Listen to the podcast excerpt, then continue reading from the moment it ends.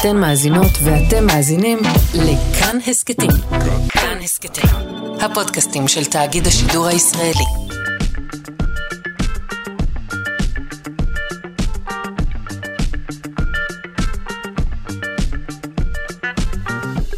שלושה שיודעים.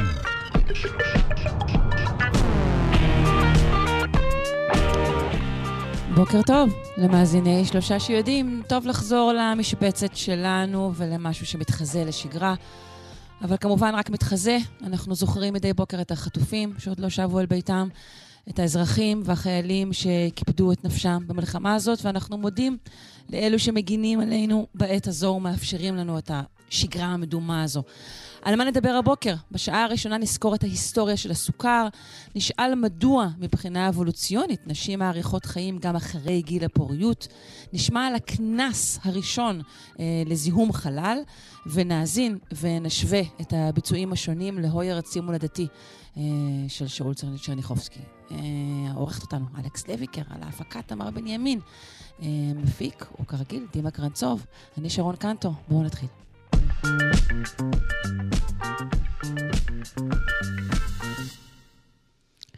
אצל רוב בעלי החיים הנקבות נשארות פוריות עד מותן או סמוך לכך, בעוד נשים חיות חלק ניכר מחייהן לאחר שהפסיקו לבייץ ואינן יכולות עוד להרות. עד לאחרונה השערה המקובלת הייתה שהמצב הזה קיים רק אצל בני אדם ואצל כמה מיני לוויתנים ודולפינים. שני מחקרים חדשים קוראים תיגר על ההנחה ועל הסיבות המשוערות. נפנה לדוקטור עינת אשחר, מומחית התנהגות בעלי חיים במכון דוידסון לחינוך מדעי. שלום. שלום, שלום, בוקר טוב. בוקר אור. אה, אז האם אנחנו מיוחדות? אה, נראה שכן, אבל אולי פחות משחשבנו. זו התשובה שלי. אוקיי, הסבירי. אה, כי בעצם אנחנו, אנחנו באמת אה, תוהות על זה, למה אה, לטבע, שאינו תמיד כזה רחום וחנון, להשאיר אותנו בחיים אחרי שהפסקנו את התפקיד האבולוציוני שלנו. כן, למה האבולוציה בסופו של דבר, עבירה טבעית מתגמלת את מי שמשאיר יותר צאצאים. כי זה אומר שהתכונות שגרמו לנו להשאיר יותר צאצאים גם עוברות הלאה ומתפשטות באוכלוסייה. אמ, ולכן לכאורה הברירה הטבעית הייתה אמורה לתגמל למישהי שממשיכה להעמיד אה, צאצאים עד גיל 70, 80, 90, 120. כי אז יהיו לה יותר צאצאים, אם היא, אם היא תתרבה בכל אה, ימי חייה ולא אה, תפסיק להעמיד, להעמיד צאצאים או ללדת ילדים במקרה שלנו כל כך הרבה זמן לפני, אה, לפני סיום החיים. אה, וזה באמת מאוד נדיר, ככה נראה בעולם החי. ואחת ההשערות ש, אה, שהוצאו לזה נקראת אה, השערת הסבתא. וההשערה הזאת אומרת שנשים מבוגרות שכבר לא מסוגלות ללדת, עדיין תורמות להעברת הגנים שלהם לדורות הבאים, בעזרת זה שהן מעודדות את הילדים שלהם להעמיד יותר ילדים. או באופן כזה, הן פשוט עוזרות להם אה, לטפל בנכדים. וככה כן, יכולים להיות להם יותר נכדים. החברה, החברה אה, הישראלית לפחות, אנחנו יודעים, אה, נשענת אה, ממש חזק על אותה השפעה. מאוד מאוד חזק, כן. לי אישית אין ילדים, אבל אני בהחלט רואה את זה עם האחיינים שלי, שהסתמכות גדולה על הסבים. וכן, ויש גם ממש מחקרים שהראו שבאמת אם אה, הסבתא, לפחות באוכלוסיות היסטוריות, אם הסבתא גרה קרוב יותר, אז לילדים היו יותר, אה, יותר ילדים משלהם, כלומר היו יותר נכדים. אה, אנחנו רואים את זה גם, כמו שאמרתי, אצל, יש לוויתנים ודולפינים שזה נמצא אצלם, אצל האורקות המפורסמות, אותו דולפין שקוראים לו לוויתן קטלן בטעות, השחורים לבנים היפים האלה. כן. אמ, אצלם אה, אה, גם יש אה, נקבות שחיות אחרי גיל הפוריות. והם ראו שקבוצות... וגם אצלם נטען שזה קשור ל- ליכולת של הסבתות לטפל אה, בנכדים, נקרא לזה? פחות לטפל בנכדים, כי הן לא אה, לוקחות אותם, את יודעת, לא מסיעות אותם לחוגים, אבל יותר לטפל בקבוצה כולה, אה, להוביל אותה. הנקבות הזקנות הרבה פעמים הן המנהיגות של הלהקה, והם ראו שבעיקר במחקרים ממש הראו שבעיקר בשנים קשות, שנים שבהם היו פחות דגים, קבוצות שבהן היו סבתות כאלה, הנקבות הזקנות, הצליחו יותר מאשר קבוצות שלא היה בהם, לא הייתה בהן נקבה זקנה כזאת. כנראה בגלל שיש להם הרבה ידע, הן יודעות איפה למצוא כן. אוכל גם בשנים קשות. כי כבר היו כן, להם כמה שנים קשות כאלה. זה גם מזכיר אה, בני אדם, אה, סבתות שיודעות אה, לבשל מרק מאוויר וקליפות בעיתות. כן, בדיוק, בהחלט גם בבני אדם, אם יש איזשהו בעל חיים שאצלו מאוד חשוב הידע שעובר מדור לדור, זה קודם כל בני אדם, ובהחלט גם יש לנו תפקיד כזה. המחקרים שהתפרסמו עכשיו, אחד מהם עוסק בשימפנזים, והוא גילה שלפחות בקבוצה מסוימת באוגנדה, אה, שימפנזות גם חיות אחרי גיל הפוריות. הם ממש בדקו והם ראו ששימפנזות הנקבות אה, אה, מפסיקות להיות פוריות, מפסיקות להעמיד צאצאים לפחות אחרי גיל 50, לא ראו אף אחת שהעמידה צאצאים. אבל יש לא מעט שחיות אחרי גיל 50. והם גם ממש אספו דגימות שתן שלהם מהעצים לא, לא הזמינו אותם למרפאה, אבל אספו מהעצים בזמן שהם השתינו, וראו שהן אה, עוברות שינויים הורמונליים שממש דומים לשינויים שבהם, ש, שנראים אצל נשים בגיל המעבר. אמ, אז וגם אצלם זה, זה נשען על, על תיאוריה דומה? אנחנו לא יודעים עדיין. אמ, אצל שימפנזים, כל העניין של, הסבת, של הסבתאות הוא קצת בעייתי. כי uh, אצל שימפנזים הנקבות עוזבות את הקבוצה כשהן מגיעות לבגרות מינית ועוברות לקבוצה אחרת. אז כשהנקבה uh, מגדלת את, ה, את הילדים שלה, את הצאצאים שלה, אימא שלה נמצאת בקבוצה שבה היא נולדה, בקבוצה אחרת, ולא יכולה לעזור לה. Mm. אז הן לא יכולות לעזור כל כך לבנות שלהן. הן בעיקרון יכולות לעזור לבנים שלהן, אבל um, בחברת השימפנזים בדרך כלל לא כל כך יודעים מי האבא, אז הן יכולות אולי לעזור לקבוצה באופן כללי, אבל הנכדים שלהם ספציפית זה, זה קצת יותר בעייתי, כי הם כנראה לא ידעו מי הנכדים שלהם באופן ספציפי. החוקרים גם אומרים ש, שככל הנראה זה משהו שהוא מיוחד לקבוצה הזאת. אמ, יש קבוצות אחרות של שימפנזים שנחקרות כבר עשרות שנים ולא ראו אצלם אמ, הרבה מאוד נקבות זקנות שחיות אחרי גיל הפוריות. ואנחנו לא יודעים מה מיוחד בקבוצה הזאת. אנחנו לא יודעים אם ה... אה, יש איזה משהו מיוחד בקבוצה הזאת שהופך אותה ל... אה, לקבוצה מיוחדת שהיא היחידה הראשונה אי פעם שבה שימפנזות חיו אחרי גיל הפוריות, או חלק מהחוקרים חושבים שאולי בעבר זה היה המצב אצל כל השימפנזים, אה, ודווקא היום, בגלל, אולי בגללנו, אולי בגלל שבני אדם פגעו ב... בשטח המחיה של השימפנזים, אה, וגם אנחנו יודעים ששימפנזים מאוד פגיעים, מאוד רגישים למחלות, אה, למחלות שבני אדם מעבירים להם, בעיקר מחלות של דרכי הנשימה. יכול להיות שפעם הרבה מאוד שימפנזות חיו אחרי גיל הפוריות, ועכשיו רק הקבוצה הזאת באוגנדה נשארה. אז אנחנו באמת לא יודעים כאילו מה, יש עוד הרבה שאלות לגבי העניין הזה של השימפנזים. כן, אבל יש מחקר נוסף שבכלל אה, עוסק במין אחר לגמרי, נכון? בעכברים? אה, הוא עוסק בהרבה מאוד מינים. בעצם התחיל עם עכברים. היו חוקרות מגרמניה שהיו להם עכברים במעבדה, והם אמרו, רגע, יש פה המון עכברות זקנות במעבדה שלנו, שהן כבר לא פוריות, הן כבר לא מסוגלות אה, להיכנס להיריון ולהמליט, אבל הן עדיין חיות. מה קורה פה? אמרו לנו שרק רק נשים ודולפינים. אה, והם התחילו לעשות סקר, אה, מה שנקרא סקר ספרות. בעצם לקחו הרבה הרבה מאוד מחקרים אה, ועברו דרכם, והשיגו מחקרים על יותר מ-70 מינים של יונקים.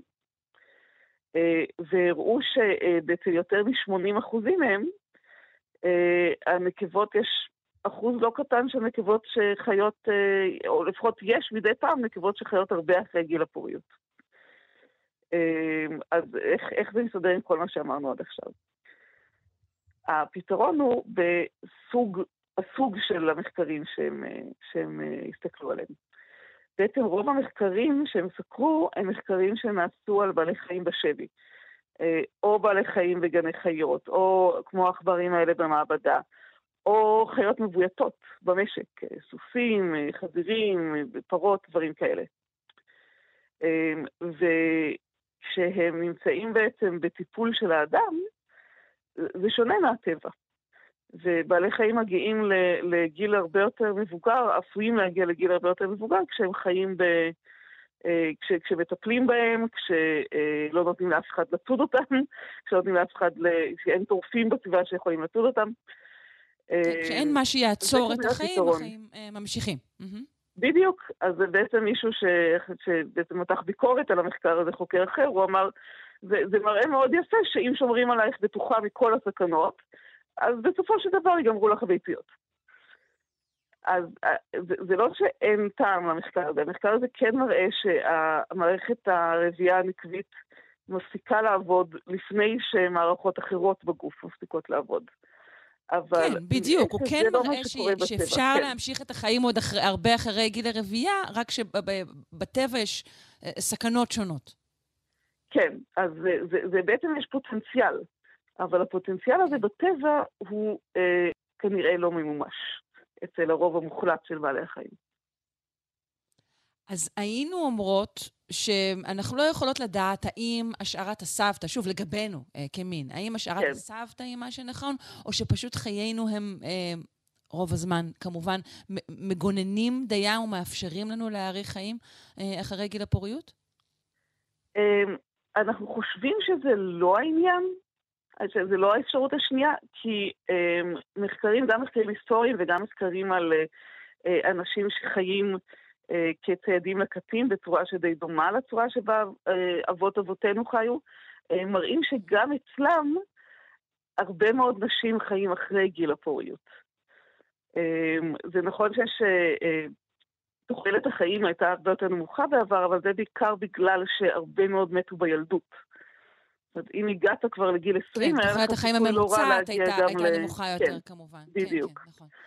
אבל אם, אם כבר הגעת לבגרות, היה לך סיכוי לא רע לשרוד לגיל מבוגר יחסית. לא 90, אבל 60, 70, שזה כבר אה, אה, הרבה אחרי הפסקת הווסת אצל נשים. אז אה, אנחנו חושבים שיש, לפחות ב, ב, בעניין של נשים, לפחות לגבי נשים, יש פה גם משהו אחר. אה, אולי זה באמת העניין של הסבתות. טוב, אה, דוקטור ענת אשחר, אה, חיים ארוכים. אה, תודה רבה לך. גם לך, תודה רבה. תודה. מומחית התנהגות בעלי חיים במכון דוידסון לחינוך מדעי להתראות. להתראות.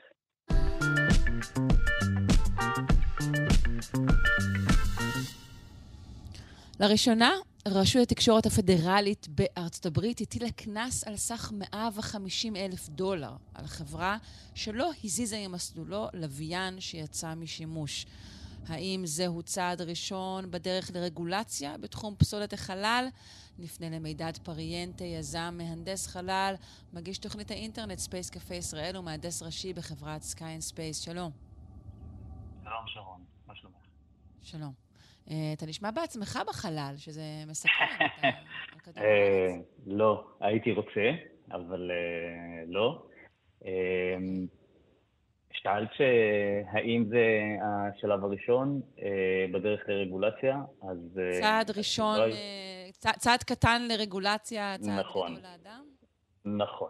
אז התשובה היא כן. רגולציה קיימת, עד היום לא אכפו אותה. מכמה סיבות, אבל בעיקר בגלל שחברות מסחריות אה, דאגו לעמוד ברגולציה. אה, היא קיימת כבר הרבה מאוד אה, שנים. בואו נעשה קצת רקע וסדר, כן. וגם נדבר על, ה, על הסכום הזה של הקנס, 150 אלף דולר, האם הוא מכה קטנה על האף או כן. שהוא משמעותי. כן. אז פסולת חלל או זבל חלל מתייחסת לאובייקטים שנוצרו באופן מלאכותי ונמצאים בחלל, בעיקר במסלול סביב כדור הארץ בכל מיני גבהים. יש לזה גם חשיבות, תכף ניגע בזה. והם כוללים כל דבר, החל משלבי אה, רקטות אה, ישנים, אה, לוויינים שהפסיקו לעבוד כי נגמר להם הדלק או בגלל תקלה כזו או אחרת, שברים של התנגשות בין לוויינים או כתוצאה מפיצוץ. וככל שמספר הלוויינים והחפצים האחרים בחלל ממשיך לעלות, כך יש יותר חשש לגבי הסיכונים הפוטנציאליים שפסולת חלל תפגע בלוויינים פעילים, עד כדי שאפילו אה, תמנע אפשרות לשגר לוויינים חדשים. לפני... תגיד, כמה, כמו... כמה מהלוויינים, הרי לוויינים אנחנו משגרים כבר נכון. uh, הרבה מאוד שנים. Uh, נכון. נכון, uh, יותר מ-50 שנה. כמה מהם בעצם נמצאים בחלל ואינם פעילים, באחוזים? אנחנו מדברים על סדר גודל של 80 אחוז ממה שנמצא כרגע בחלל, לוויינים לא פעילים. זאת אומרת, רק 20 אחוז מהלוויינים פעילים, וזה גם מספר שהיה הרבה יותר קטן קודם, בזכות רשת סטארלינק עם אלפי הלוויינים שלה, אז היום כמות הלוויינים הפעילה כאחוז מתוך כלל הלוויינים שנמצאים בחלל הלך וגדל. עדיין יש איזושהי נקודה שבה הבינו אה, מי שעשה את זה ראשון היה אה, מדען מנאסא בשם דונלד ג'יי קסלר, שעשה איזשהו תרגיל מחשבתי של האם אנחנו יכולים להגיע למצב שבו יש מסה קריטית של שברים בחלל, או פסולת חלל, שכתוצאה ממנה כל אה, פסולת חלל יכולה לפגוע באחד מהלוויינים הפעילים, ואז אפקט שרשרת, שבעצם יגרום לשברים האלה לפגוע בעוד לוויינים וכדומה וכדומה. אנחנו לא רחוקים משם, ולכן אה, יש עכשיו אה, הקפדה מאוד מאוד אה, גדולה על הנושא, וחשוב להבין שיש יותר מדרך אחת להיפטר מפסולת חלל, או איך חברות מטפלות בזה. זה נקרא הוצאה ממסלול. הוצאה ממסלול הוא, הוא תהליך מכוון ומתוכנן, שבו לוויין שלא נעשה בו שימוש, אה, או שהוא מוחזר בכוונה לאטמוספירה של כדור הארץ בכדי להישרף בכניסה מחדש אה, לאטמוספירה, או שהוא מועבר למשהו שנקרא מסלול בית קברות, Graveyard Orbit. המסלול הזה רלוונטי במיוחד עבור לוויינים שנמצאים בגובה מאוד גבוה, כמו לווייני תקשורת, שנמצאים בגובה של כ-36 אלף קילומטר מעל פני כדור הארץ. לוויינים נמוכים נמצאים בגובה של עד אלף קילומטר.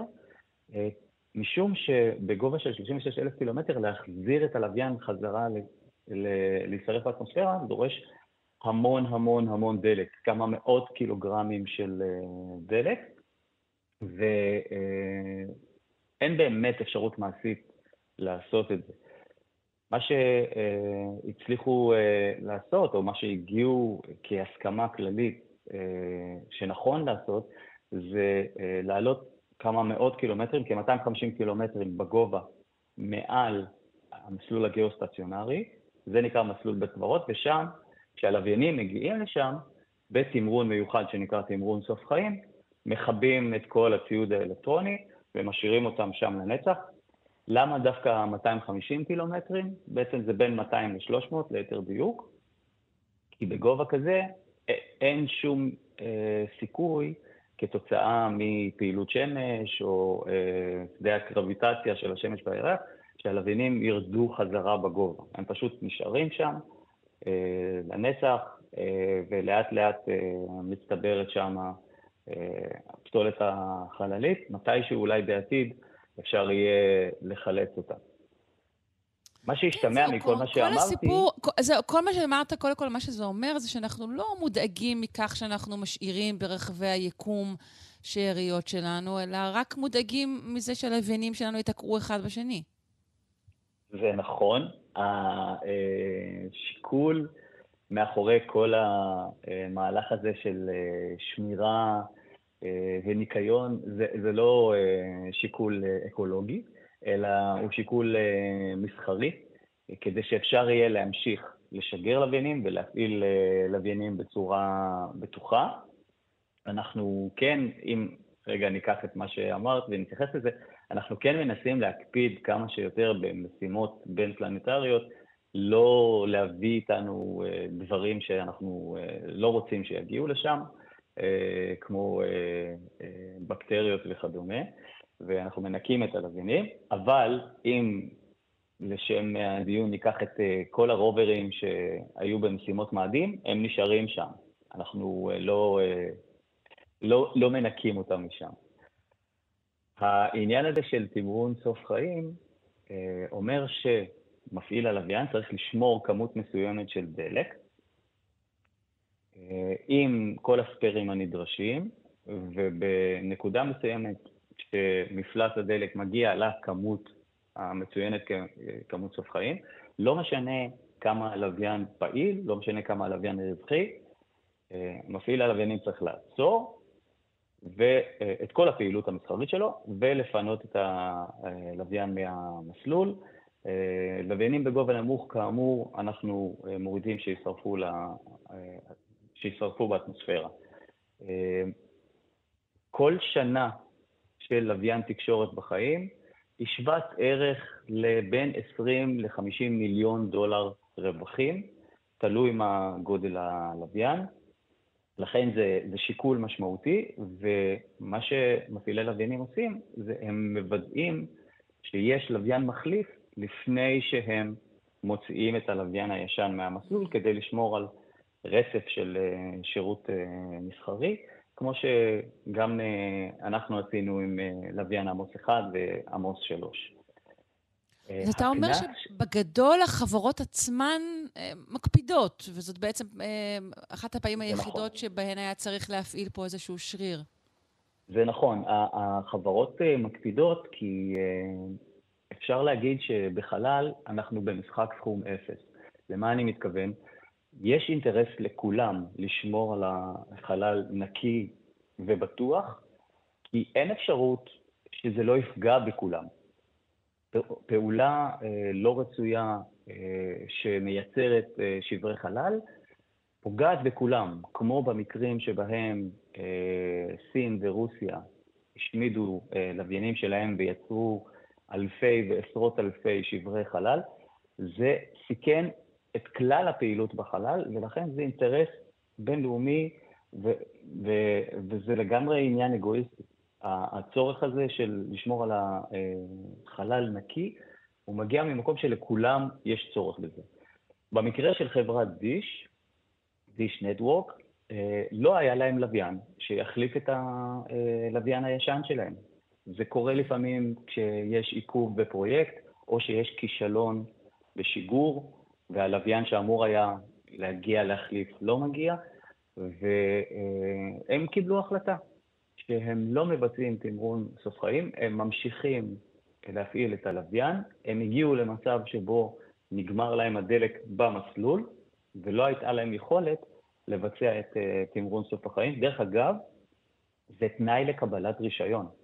כשאתה מבקש רישיון להפעלת לוויינים, לא משנה באיזה מדינה, גם במדינה שלנו, אתה צריך להתחייב שאתה בסוף החיים תפנה את הלוויין מהמסלול, ואתה צריך גם להגיד איך אתה מתכוון לעשות את זה. האם אתה מתכוון אה, להעלות אותו למסלול וקברות, או שאתה מתכוון להוריד אותו לאטמוספירה ולשרוף אותו באטמוספירה.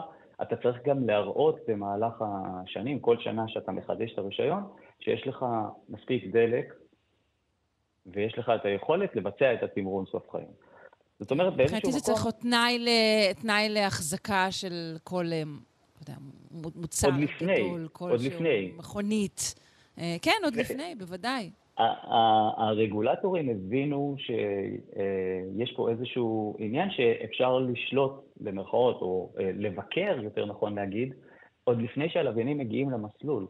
וזה אומר שהיום, אם אני רוצה לשגר לוויין, ונניח אני הולך לחברת SpaceX של אילון מאסק, אני צריך להראות להם, לחברת SpaceX, שיש לי תוכנית הוצאה אה, ממסלול בסוף חיים, יש לי אישור להפעיל את הלוויין, ורק אז הם יעלו את הלוויין שלי למשגר. זאת אומרת, גם הם, חברות השיגור, מקבלות רישיון שהוא אה, מותנה בכך שהן מקפידות על הנהלים והרגולציה של כל הלוויינים שהן בעצמן משגרות לחלל. הקנס של חברת דיסקילה הוא יותר מראית עין מנזק אמיתי, זה נשמע הרבה מאוד, 150 אלף דולר, אבל כמו שאמרתי, לוויין גיאוסטציונרי מייצר בין 20 ל-50 מיליון דולר קנסות בשנה, ולכן זה קנס שהוא לא באמת משמעותי. ייצוגי. זה לא יצר איזשהו אה, נזק כן. אה, מסחרי-כלכלי לחברת דיש, אבל יש פה אה, הצהרה חד משמעית של ה-FCC, ואין לי ספק שגופים דומים בשאר העולם המערבי אה, ובדרום קוריאה ויפן, מסתכלים על הדוגמה הזאת ואומרים, אוקיי, אה, נעשה פה מעשה, יש פה מסר, יש פה מסר שהוא, שהוא חשוב, שמי שלא יעמוד ברגולציה ישלם על זה אה, מחיר כלכלי. שים בצד את הקנס okay. כן. עצמו, הלוויין של דיש עדיין תקוע שם. וכל הלוויינים שפועלים באזור יצטרכו לקחת בחשבון שיש שם אה, חתיכת אה, גוש של כמה אה, טונות שצריך לתמרן סביבו ומעליו ומאחוריו, כדי שלא תהיה חס וחלילה תאונה בחלל. כן, תודה רבה אנחנו... לך. בשלב זה אנחנו נסיים. כן, גם אנחנו, משפט אחרון, סליחה. גם אנחנו, הזווית הישראלית, גם אנחנו אה, עושים אה, את הפעולות האלה. את לווייני התקשורת שלנו, אה, עמוס 1 ו-2, הוצאנו למסלול בית קברות. עמוס 1, אנקדוטה מעניינת, אה, היה כמו נס אה, פח השמן, בעצם הצליחו לעלות אותו לגובה של מעל אלף קילומטרים, כי העריכו לא נכון כמה דלק יש בו. את עמוס 2 הוצאנו למסלול בית קברות, ואת הלוויינים הנמוכים שלנו אנחנו שורפים באטמוספירה. והלוויין דוכיפת 2, שזה לוויין תלמידים שנבנה בהרצליה, היה למעשה חלק מפרויקט של 50 לוויינים אה, במסגרת סוכנות החלל האירופית, שבכוונה שיגרו אותו למסלול נמוך כדי לבחון את ההתנהגות של השכבות התחתונות של האטמוספירה, שאנחנו לא יודעים עליהן אה, כמעט אה, כלום. אז הוא בכוונה, תוך כדי שהוא נשרף באטמוספירה, שידר את הנתונים שלו, והיום אנחנו יודעים הרבה יותר על הפלזמה שמקיפה את כדור הארץ בזכות פעולה כזאת.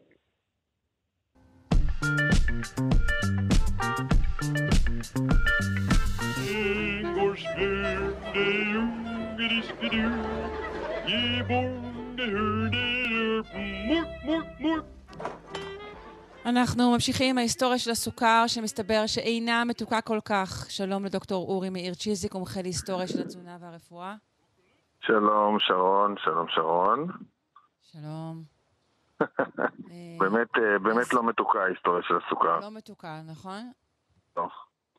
ובאמת דרך... קודם כל, בכלל, לפני כן. שהגיע הסוכר, אז מה, אנשים פשוט, אה, נכון, אנחנו מדברים בעצם על, על ימי הביניים פחות או יותר, אז פשוט אנשים לא אכלו מתוק, לא שתו מתוק? לא, לא, ההבדל היה, ההבדל היה. אנשים באירופה כמובן, סליחה. לא, לא, לא רק באירופה, בכל העולם אנשים תמיד צרכו מתוק, צריך להגיד. מאז המהפכה החקלאית מצאנו כל מיני דרכים למצות את המתוקים. את יודעת, היינו עושים סילן תמרים, או דבש ענבים, או היינו צורכים אה, דבש, או דבש תאנים ודבש רימונים, זאת אומרת, תמיד היינו מצליחים למצות את, ה, את המתוקים ולייצר לנו איזושהי מתיקות. ההבדל העיקרי היה שהמתיקות הזאת הייתה יקרה. את יודעת, אם אני הייתי יושב פה, איפה שאני נמצא עכשיו, בעמק בית שאן, ומכין לעצמי סילן תמרים מהאדמה עצי תמר שלי, יוצא לי איזה, את יודעת, איזה דליקת 20 ליטר אה, סילן תמרים בסוף. והייתי ממש ממש ממש ממש מתקמצן עליו, כי את יודעת, זה 20 ליטר אה, סילן תמרים שתספיק לי לשנה לי ולכל משפחתי. לא הייתי אה, שותה אותו כל בוקר לארוחת בוקר איזה כמה כוסות. בעצם ההבדל העיקרי בין צריכת סוכר אה, לאורך ההיסטוריה ועד בערך לפני 200-300 שנה, תלוי איך מסתכלים על זה, זה המחיר של הסוכר, וזה הסיפור המעניין. Mm. בעצם המקור של קנה הסוכר, שממנו מכינים את רוב הסוכר שאנחנו צורכים היום, הוא בכלל כנראה באזור הודו. שם התחילו לגדל טוב ולעשות ממנו סוכר, ממש כמו שהיו עושים פה, כמו שאמרנו, סילן תמרים או דבש ענבים וכל מיני uh, כאלו. ובגלל שהוא היה גידול מאוד מאוד יעיל, ובאמת נתן סוכר מאוד טוב, אז לאט לאט הגידול שלו התפשט בעולם. הוא עבר לאימפריה הפרסית, ואז לאימפריה הערבית, ואפילו גידלו אותו בארץ ישראל. אבל הוא תמיד היה מאוד מאוד יקר. כי כמו שאמרנו, כלכלת המזון התנהלה אז בצורה קצת שונה. כל אזור היה מגדל את המזון הבסיסי שלו. נגיד אני בבית שאן פה הייתי מגדל את החיטה שלי ואת השעורה שלי ואת הזיתים שלי ואת הירקות שלי ואת הבשר שלי ואת השמן זית שלי, והיה סוחר במזון היוקרתי שלו. זאת אומרת, היו סוחרים במזון בעיקר, כי הוא היה יקר. כל מקום סוחר במזון היוקרתי שלו. אה, צפת הייתה סוחרת בגבינה שלה, וציפורי בשמן זית שלה, ורמלה ברימונים שלה, ואשקלון בבצלים שלה, וככה אפשר להמשיך ולהמשיך. וגם הסוכר היה אחד מאותם מוצרי יוקרה. הוא היה מאוד מאוד יקר. אה, ובאמת הסיפור המעניין זה איך הוא הפך להיות אה, זול. כן, אני אספר את הסיפור הזה בקצרה. לפני בערך 300-400 שנה באירופה התחיל תהליך של איור. אנשים עברו מהכפר אל העיר. ובעיר הוקמו בתי מלאכה. ובבתי המלאכה פעלו פועלים, ובעלי ההון, שהיו הבעלים של בתי המלאכה, חיפשו איזשהו מזון שהם יוכלו לתת לפועלים שלהם, שגם יהיה מאוד מאוד אה, אה, זמין ו- וקל להכנה, גם יהיה להם אנרגיה ללכת לעבודה בבוקר, וגם יהיה אה, מאוד זול, ובאמת סוכר מאוד איטים. הוא קל מאוד להכנה, שופכים עליו מים והוא נמס. הוא גם נותן אנרגיה בבוקר ללכת לעבודה, אבל מה, הוא היה מאוד מאוד יקר, והם חיפשו דרך להפוך אותו ליותר זול. חשבו, חשבו, חשבו, חשבו, חשבו, אמרו, וואלה, אה, אנחנו אה, בדיוק גילינו את אמריקה, זה היה קצת אחרי שהם גילו את אמריקה, ובאמריקה הרחוקה יש לנו עבדים. ניקח את קנה הסוכר לאמריקה. נגדל אותו באמצעות העבדים האינדיאנים שלנו. לא נצטרך לשלם להם כי על העבדים לא צריך לשלם. נשלח אותו, נאבד אותו באמריקה, נשלח אותו לאירופה, וכך הוא יהיה מאוד מאוד זול. ובאמת פשוט השיטה מאוד. הזאת, פשוט, פשוט. באמת השיטה הזאת עבדה מצוין, אבל הייתה לה בעיה אחת. כשאתה מעסיק עבוד- עבדים בעבודת פרך, יש להם נטייה אה, למות. ומהר מאוד נגזרו להם העבדים באמריקה. אז הם אמרו, שנייה, מה נעשה עכשיו? חשבו, חשבו, חשבו, הרי זה היה כל כך מוצלח. אמרו, וואלה, גם אפריקה היא שלנו. אבל באפריקה אי אפשר לגדל קנה סוכר. אז מה נעשה? ניקח את החבר'ה מאפריקה ונעביר אותם לאמריקה. בין 1700 ל-1800 הם העבירו 7 מיליון עבדים מאפריקה לאמריקה. זו בעצם הייתה הפעם הראשונה בקנה מידה כזה גדול שבה סחרו במזון לא בגלל שהוא יקר, אלא בגלל שהוא זול. במחקר קוראים לזה עוני בצד אחד של העולם, מאכיל עוני בצד אחר של העולם, כי בעצם העניים, העבדים של אמריקה, האכילו את העניים, את הפועלים של אירופה, הרי לעשירים באירופה, באירופה גם קודם היה סוכר. זו מתכונת אה, שאחר כך המשיכה להיות... אה, זה, זה עושה שיטה ש... בהצלחה, אה, עד אה, עד כן, ימינו. כן, עד ימינו אנו. ובעצם גם היום אוכל זול שאנחנו קונים מגיע אה, מניצול, והסוכר הוא זה שהתחיל את זה. קוראים לזה במילים פשוטות אה, קפיטליזם. אתה קונה משהו ב- בגלל שהוא זול, אבל יש לזה איזשהו מחיר אה, בלתי נראה, ומוכר אותו כמובן אה, קצת יותר ביוקר. וככה בעצם הסוכר נכנס לתזונה באירופה ובעולם המערבי. אה, נכנס לאוכלוסיות מסיביות. כן, הפך למוצר צריכה שאפשר לקנות אותו בזול. דרך אגב, עד היום הסוכר מגיע מניצול. בעצם גם היום הסוכר שאנחנו קונים בסופר ברובו מגיע מניצול של אנשים, בדרך כלל באפריקה ובמקומות, אה, ובמקומות אחרים. זאת אומרת, אה, עד היום בקמבודיה המדינה באמצעות בעלי הון לוקחת אדמות של חקלאים מקומיים ומכריחה אותם לעבוד על האדמות שלהם בשני דולר ליום כדי לייצר לנו את הסוכר שלנו. זאת אומרת, זה, זה ממש אומר, ממשיך עד היום. אתה אומר, גם אה, לא בריא, גם מנצל. אה, כן, כן, אנחנו עוד נדבר בהמשך על החברים של הסוכר. כל מה שאנחנו אוכלים עם סוכר, שהוא גם מגיע מניצול, כמו קפה, קקאו, תה, ועוד, אה, ועוד אחרים, כולם קשורים לקולוניאליזם, כולם קשורים לשיטה הזאת הכלכלית שבה אנחנו מתנהלים, אבל אין ספק שהסוכר הוא המוביל, הוא השתלט על התזונה שלנו. והיום אנחנו ממש טובים בסוכר. הרי עשינו כבר שיעור בסוכר, אבל יהיו לנו עוד כמה דברים להגיד על סוכר. אה, טוב, תודה רבה לך, דוקטור אורי מאיר צ'יזיק, מומחה להיסטוריה של התזונה והרפואה. להתראות. תודה רבה, להתראות.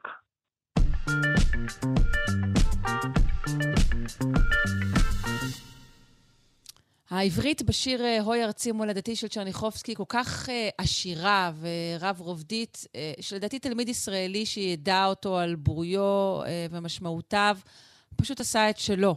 אני תוהה אם פרופסור משה זורמן, מלחין, מנצח ומייסד הקתדרה למוסיקה, בשיתוף ודוקטור אסטרית בלצן, האם הוא מסכים איתי על נקודה זו. שלום. על מה? על איזה נקודה? שאני... שהשיר הזה כל כך עשיר, אה, לא שמעתי את תחילת ה... הטקסט שלו. אה, אמרתי שפשוט קריאה ועיון במילים שלו על בוריאן זה ממש מדהים, ושתלמיד שיודע את השיר הזה קומפלט, כן. כולל כל המשמעויות, מבחינתי הוא עשה את שלו בעברית. עשה את שלו. עדר אולפה שאו גדי, נו, מי יודע היום מה זה אולפה? עדר אולפה, בבקשה. כן. כן. אולפה, אולפה, צאן צעיר מה שקרוי. אבל uh, יש לנו עוד כמה דברים מעניינים בתוך השיר הזה, אז בואו נחגור אליו, נחבור אליו, וגם נשמע שלושה לחנים שונים שהולחנו, וננסה לראות איך נוף הארץ מתבטא במוזיקה גם כן. בקיצור, מתי נכתב השיר? צלניחובסקי מבקר בארץ בשנת 1925, מנסה למצוא משרה כרופא בבית חולים הדסה בירושלים, הוא מסורב, אין לו תקן. אז הוא חוזר כמובן, אה, בוש ונשלם ב-1931, בכל זאת מחליט לעלות ארצה, מתיישב בתל אביב, ומקבל כן משרה, הוא משמש כרופא של בתי הספר העירוניים של תל אביב באותם שנים. ועכשיו, השיר אוי ארצי מולדתי, שזה הנושא שלנו היום, הוא בעצם תיאור נופי ארץ ישראל כפי שנראה בעיניו בשנים האלה.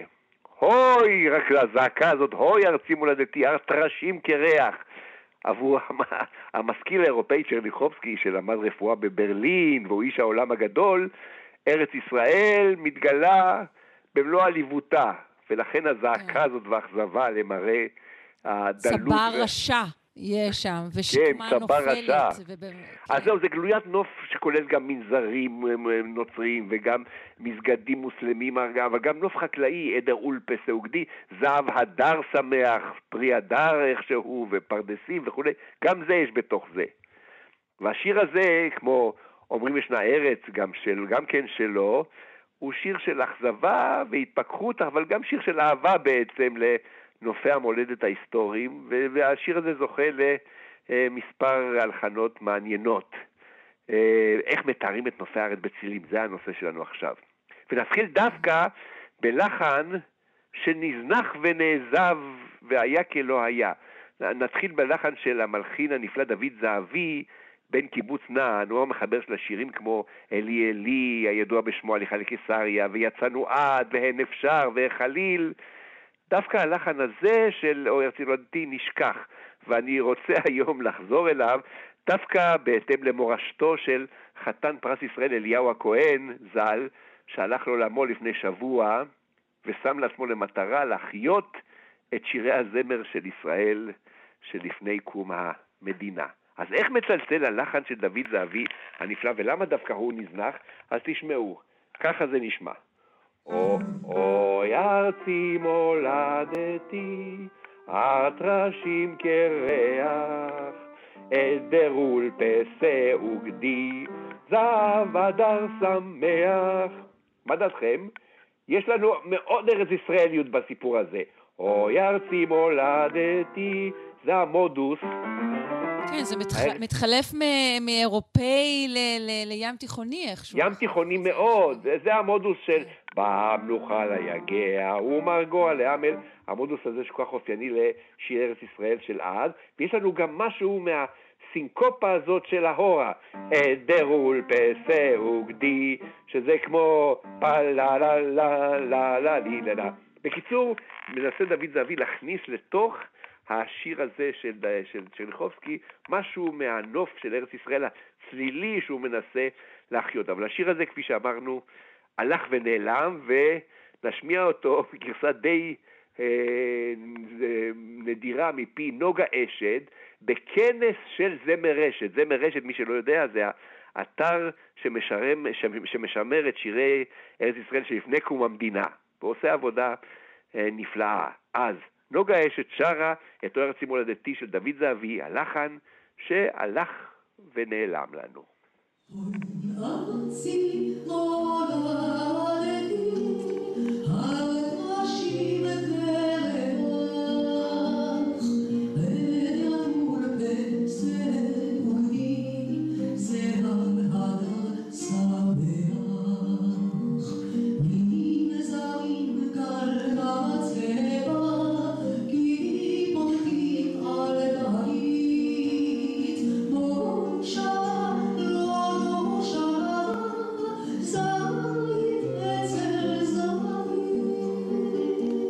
למה הלחן הזה נדחק בעצם?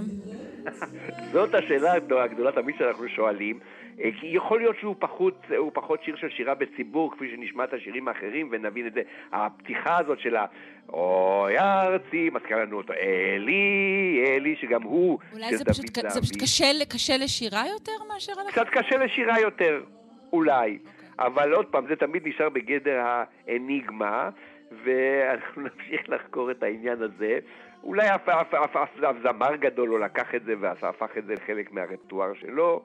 לא יודע. מה את אומרת? למה הוא הלך לאיבוד? אמ, פשוט הגיע אחד שרמס אותו.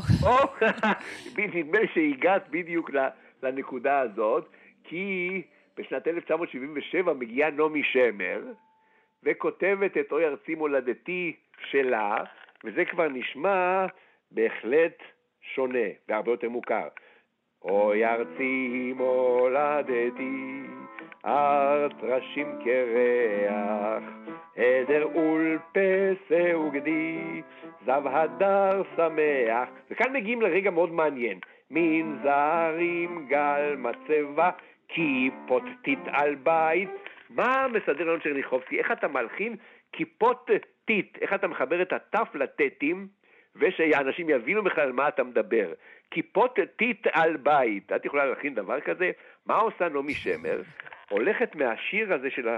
בשלב מסוים הוא מאוד פשוט של שלושה רבעים, אחת, שתיים, שלוש, אחת, שתיים, שלוש, כדי להתגבר על הכיפוטית, שימי לב מה הוא עושה, אחת, שתיים, שלוש, ארבע, חמש, אחת, שתיים, אחת, שתיים, משנה את המשקל לחלוטין, כדי שהזמר יוכל איכשהו להתגבר על הכיפוטטית על הבית.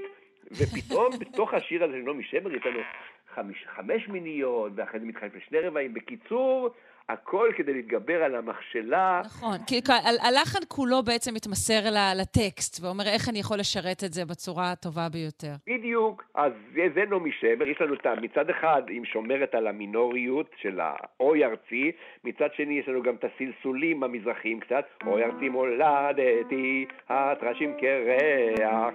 יש לנו משהו מזה, ומתגברת על הקיפוטטית, ואז שרים את זה חברי שלישיית שוקולד מנטה מסטיק, וכל ארץ ישראל שרה שוב את צ'רניחובסקי ביחד איתם. השנה היא 1977.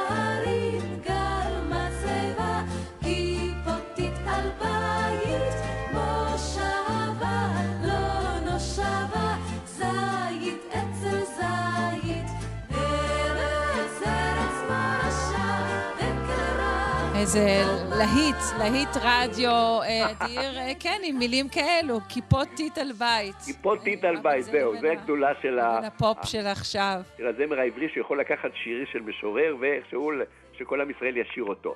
אבל יש לנו עוד גרסה אחרונה, אחרי הגרסה הזאת היא כבר משנת 1990, מתקליט הסולו הראשון של מיקי גבריאלוב, ההוא שהלחין את אוב גוזל, וסע לאט, ואני ואתה נשנה את העולם. ושם, אצל גבריאלוב, אנחנו כבר סוף סוף נפטרים מהמינוריות הזאת, הקצת מלנכוליות של אוי ארצי מולדתי, אוי ויי, מה המדינה הזאת, איך היא נראית, וגם אוי ארצי מולדתי, של הלחן הראשון שהלך לאיבוד, פתאום אנחנו במז'ור. אוי ארצי מולדתי, הטרשים קרח, עדר אול פסה וגדי, צב הדר שמח. איך הוא מתגבר על הקיפוטית? מנזרים גל מצבה, קיפוטית על בית. לוקח ומעלה את המנגינה איכשהו לגובה כזה של קיפוטית, שתדגיש את הטיט, שיבינו שזה קיפוטית כן. על בית.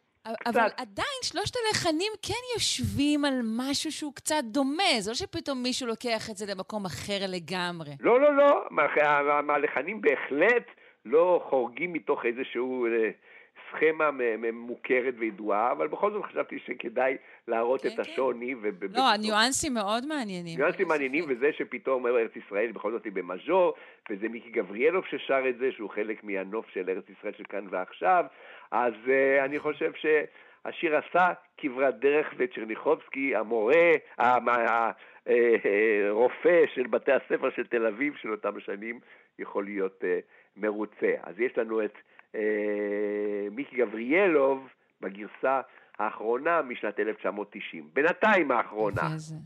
כן, אז נודה לך בינתיים, פרופסור תודה. משה זורמן. תודה.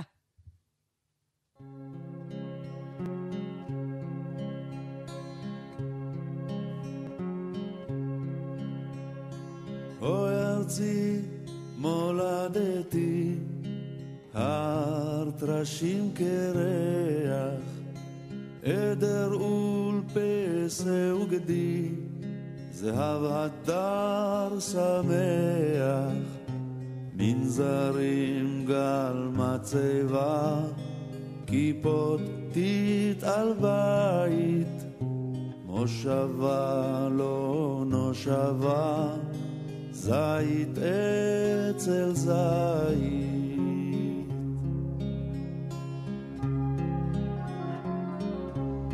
עד כאן השעה הראשונה שלנו, שלושה שיודעים. בשעה הבאה, מחקר חדש על השפעות המלחמה על בני הגיל השלישי, רובוט שמייצר חמצן על מאדים, אישה שנולדה עם שני רחמים, אה, ובפילת האומנות, ציורים בתוך ספרים. עורכת אותנו אלכס לויקר, על ההפקה תמר בנימין, על הביצוע הטכני דימה קרנצוב. אני שרון קנטור, חדשות טובות בינתיים. חיל חולות לים סביב, צל שקמה נופלת. ארץ נחלת מתברסים, קסם כוכבי לכת, הבל זעם החמסין, מלונה בשלכת. כרם גפן נמלונים, תל חורבה נחרשת, כל לילות וליל תנים, משאבה נוקשת. אוי ארץ חמדת לב, השמיר השייט, בעיר סוד יתום בגב, בשמיים היית.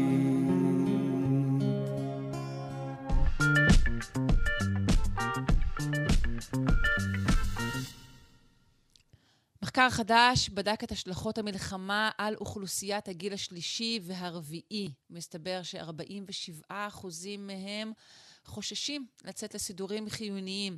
אלו כמובן חדשות לא טובות, אך חדשות טובות יותר הן שכ-50 אחוזים אה, חשים שהם יכולים ורוצים לסייע. לתמוך במשפחה או להתנדב. אנחנו נפנה לאחד מאורחי המחקר כדי לשמוע עליו יותר. אה, שלום לדוקטור רון עדני, יזם הייטק בתחום הזקנה. שלום. בוקר טוב. בוקר טוב. בוקר אור. אה, ראשית אשאל אותך, אה, מה זה אומר יזם הייטק בתחום הזקנה? זה מסקרן. אה, יזם הייטק אומר, הקמתי כמה סטארט-אפים לאורך חיי, והסטארט-אפ האחרון שלי אגב מתעסק בעולמות הזקנה, זה אומר להתמקד בצרכים ספציפיים של הגיל השלישי. שכולנו יודעים שהוא רק הולך וגדל בקרב אחוז האוכלוסייה, יש עוד צרכים מיוחדים, ולכן גם יש פתרונות שצריך לייצר במיוחד עבורו. כן, מעניין.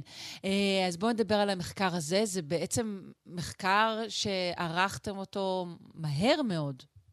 כן, זה מחקר, אה, קודם כל, אה, כן, זה מחקר די מיידי שערכנו אותו. דוקטור אליקים כסלו מבית הספר למדיניות ציבורית וממשל באוניברסיטה העברית, ואופיר מואב מהאוניברסיטה העברית יחד איתי. כאשר בעצם פנו אלינו כמה גופים ממשלתיים ואמרו שהם צריכים הבנה מלאה וסיוע כמה שאפשר. ואנחנו בסופו של דבר עשינו מיפוי צרכים כדי להבין מה קורה בזמן אמת, אנחנו התמקדנו בעיקר ופעלנו בעיקר בשבוע השני והשלישי של המלחמה. אה, ואנחנו גם כל העת אה, משתדלים לעדכן את הסקרים שלנו ואת הממצאים שלנו.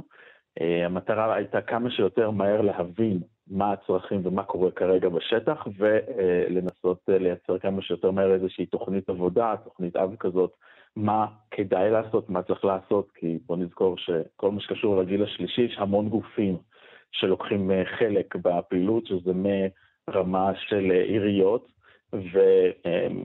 ומשרד הרווחה ומשרד הבריאות ועוד הרבה גופים אחרים, וגם הרגשנו שיש צורך לתכלל פה הרבה מאוד דברים, וזה אחד מהחוסרים העיקריים ששמנו לב אליהם, חוסר בגוף מתכלל על לכל מה שקשור לגיל השלישי. אז אני שמחה לשמוע שהתבקשתם לערוך את המחקר הזה, אבל אני חייבת להגיד, וסליחה אם אני אשמע אה, סקפטית, אה, עד כמה מהר אה, רשויות וגופים ממשלתיים יכולים בכלל אה, להגיב לתוצאות של מחקר כזה? כן, אז קודם כל, קודם כל, כמו שאנחנו יודעים, גם בהקשרים אחרים, כן, לקח הרבה, יחסית לקח זמן אה, גם אה, לגופים הממשלתיים ואחרים. אה, אה, להתאים את עצמם ולתת אה, מענים. כמובן שכולם קפצו עם הרבה רצון טוב לתת פתרונות ברמה המיידית, אבל חלק מהדברים פה גם דורשים היערכויות מראש, וזה דברים שלוקחים זמן.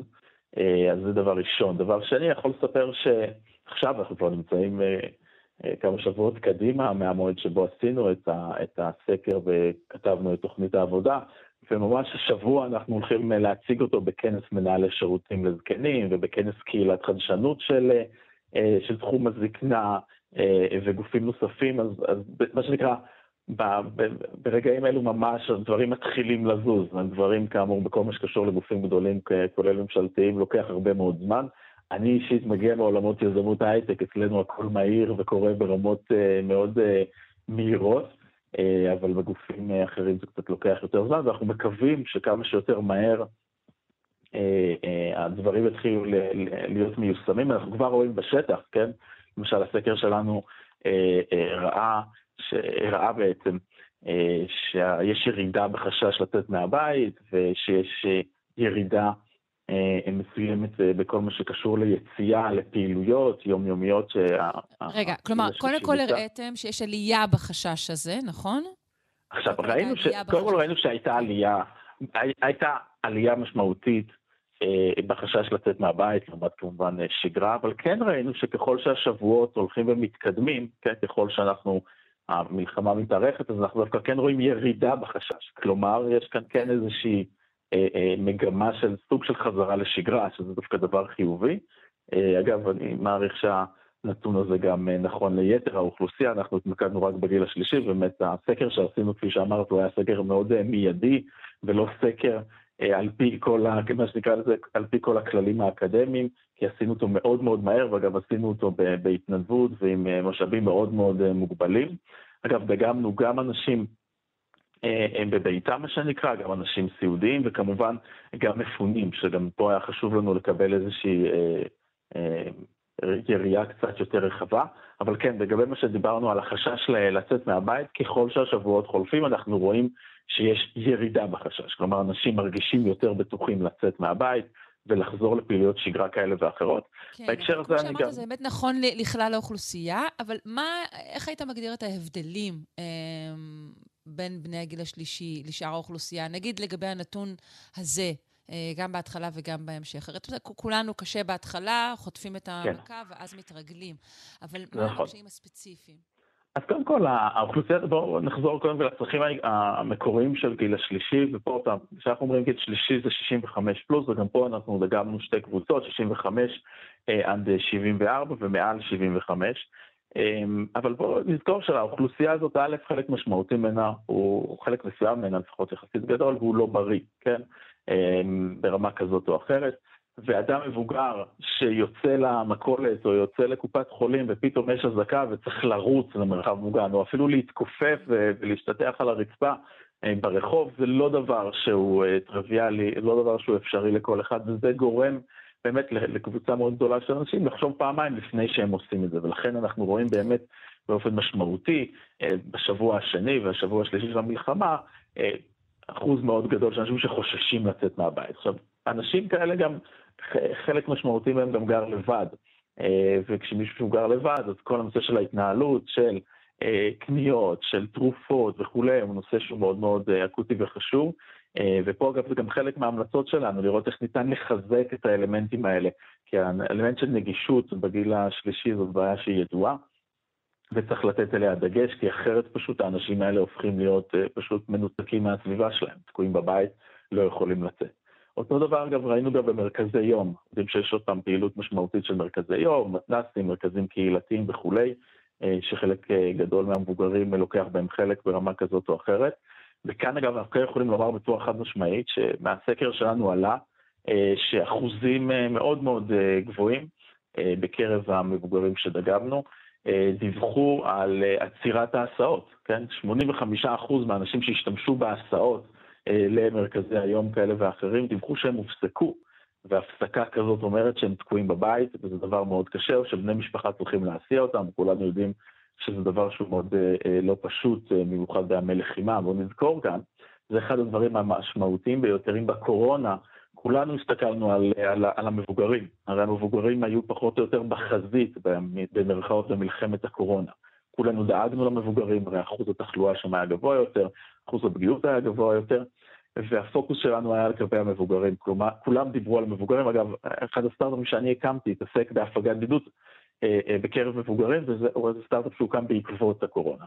אה, אבל עכשיו כל הדגש, אגב, עבר לחזית אחרת, מה שנקרא, גם למפונים, כמובן גם למשפחות של החטופים, וכמובן לחיילים ולמילואימניקים וכולי, אז הפוקוס גם האזרחי זז, וזה אומר שהוזנח אה, הגיל השלישי, וזו עוד נקודה שצריך לתת אליה דגש.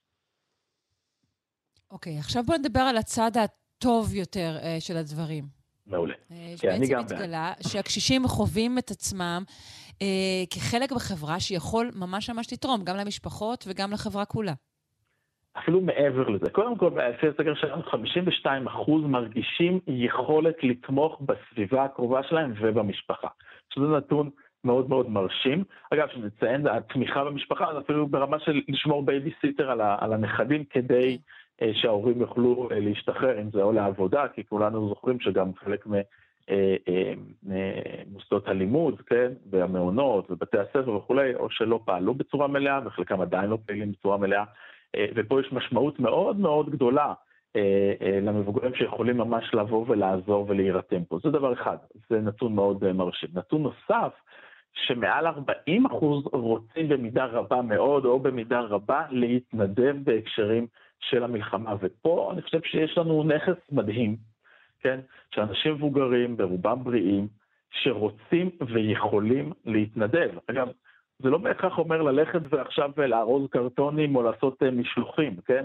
זה יכול להיות גם ברמה של להרים טלפון ולדבר עם מבוגר אחר, או לתת תמיכה כזאת או אחרת. כלומר, יש מנעד מאוד מאוד רחב, אגב, אני יכול לציין ברמה אישית בפרויקט אחר שאני אה, עושה בהתנדבות, שאנחנו רואים את, ה, את הקהל הספציפי הזה, שהוא מאוד רוצה לתת, מאוד רוצה לתמוך. בוא נזכור, כי לרוב הוא לא מעורב בעולם העבודה אה, או בהקשרים אחרים, וכן רוצים לעשות משהו. אני חושב שכולנו אה, בתחילת המלחמה ישבנו בבית ורצינו לעשות משהו, כי כל עולמנו נעצר, רצינו לתרום ולעשות דברים. אה, ופה באמת אפשר לחשוב איך, איך לוקחים את זה, ולוקחים את זה לשלב הבא ומנצלים את זה. וזאת אחת מהדברים שאנחנו באמת ממליצים בתוכנית עבודה שלנו, לראות איך מתכללים ונעזרים בכוח העצום הזה שיש לנו, ונמצא פה, ונזכור, זה אנשים שהם בחלקם משכילים, עם המון ניסיון, ידע, ניסיון חיים, לא, לא סתם קראו להם זקני השבט בעבר והם היו נחשבים לאנשים הכי חשובים בכפר, כן? ו- ונוסיף שאולי המסקנות, אגב, כמובן, לא רק לגבי המחקר הזה, דברים שאנחנו לומדים אה, עכשיו, כדאי לנסות וליישם אותם גם בימי שגרה. בהחלט, בהחלט, אלה דברים, תמיד במקרי קצה חושפים כל מיני חולשות וכל מיני בעיות, והחוכמה קודם כל היא ללמוד מזה. עכשיו, אני חייב לציין שברמה האישית, אני קצת הייתי מופתע כי כולנו כבר חווינו בעצם את המשבר, גם לי אגב ברמה האישית הייתה תחושה של כאילו זה סוג של דז'ה וו ברמה מסוימת מבחינת מה שקורה עם העורף ובכלל, שכל החיים שלנו פתאום נעצרו למשך כמה ימים או כמה שבועות. אה, ופה אני לא בטוח שבצורה מלאה הופקו כל, הופקו כל המסקנות, כן, אני זוכרת בקורונה הזום הפך להיות הדבר הכי משמעותי והכי חשוב וכולם דיברו עליו, ואני חייב אגב לציין שהסקר שלנו הראה אה, שלמעלה מ-60% מה, מהמבוגרים דיווחו שבמידה רבה מאוד, או במידה רבה, יש להם נגישות לזום. כן? כלומר, הם, הם, הם יודעים איך להשתמש בכלי, אה, זה נוח להם להשתמש בו, ואנחנו כן ראינו אה, ניצנים של שימוש בכלי הזה, אבל אני חושב שהיה אפשר לעשות את זה בצורה הרבה יותר מהירה והרבה יותר טובה. וברמה ממש מיידית להתחיל להזרים תכנים, לאפשר מפגשים וירטואליים של מבוגרים עם מבוגרים, כי תחושת הקהילתיות ותחושת השייכות פתאום נעלמת בשנייה אחת, שנעצרים לך ההסעות למרכזי היום, אתה לא יוצא מהבית, אתה תקוע בבית, אתה גר לבד וכולי. אז כאן אני חושב שכן יש, יש, איזו הזדמנות ללמוד ממנה לעתיד אה, בהקשר הזה. גם שמנו לב, אגב, שחלק מהמבוגרים טענו שהם כמובן הגבירו בצורה מאוד משמעותית את. הצריכה שלהם של חדשות, אבל ממומחים, אגב, כל הפעילות שלנו הורכבה כמובן קודם כל מרעיונות של מומחים כדי להבין מהם הנושאים החשובים, ואחר כך אה, אה, סקר של, אה, של קהל היעד, של אה, גילאי 65 פלוס. והבנו שיש איזשהו חוסר בהנגשה של תכנים אלטרנטיביים לגיל המבוגר. כל היום לשבת ולשמוע חדשות ודברים שליליים וכולי, זה לא דבר טוב לאף אוכלוסייה, וספציפית לגיל המבוגר, ופה כן יש משמעות לאיזושהי אה, סוג של הפוגה, אה, או תכנים שמונגשים לגיל המבוגר, למשל להתמקד באנשים מבוגרים, בסיפורים שלהם, במה הם עושים, איך הם מתמודדים אנחנו, עם זה, אנחנו כאן, בכאן תרבות, לפחות אני אגיד את זה, אני חושבת שזה כן נעשה, לפחות אצלנו. מצוין, אבל אני מסתכל על הערוצים העיקריים, כן, אני מסתכל על ערוצי הטלוויזיה לצורך העניין, אז כולנו יודעים דיווחי המלחמה נונסטופ, שזה לא דבר שהוא כל כך אה, בריא, לא למבוגרים ולא בכלל. נכון. למרות שזה טבעי, אנשים רוצים להישאר, אה, אתה יודע, בשטף העניינים. אה, דווקא, אתה יודע, לא, לא להיפלט הצידה, אפשר להבין. זה, כן, כן, זה בהחלט, זה לא במקום, אלא כן, מה שחשוב בהקשר הזה זה ההפוגה, כן? ההפוגה, קצת, מה שנקרא כמה שעות ביום, או שעה אפילו ביום, קצת לעשות משהו אחר, לנקות את הראש, לצאת מהמראה השחורה הזאת, זה דבר שהוא מאוד מאוד חיובי וחשוב. כן. אני מודה לך מאוד על הדברים ועל המחקר ועל כל הפעילות שלך, דוקטור רון עדני, אה, יזם הייטק בתחום הזקנה ומעורכי המחקר הזה. תודה רבה. תודה רבה לך. ביי ביי.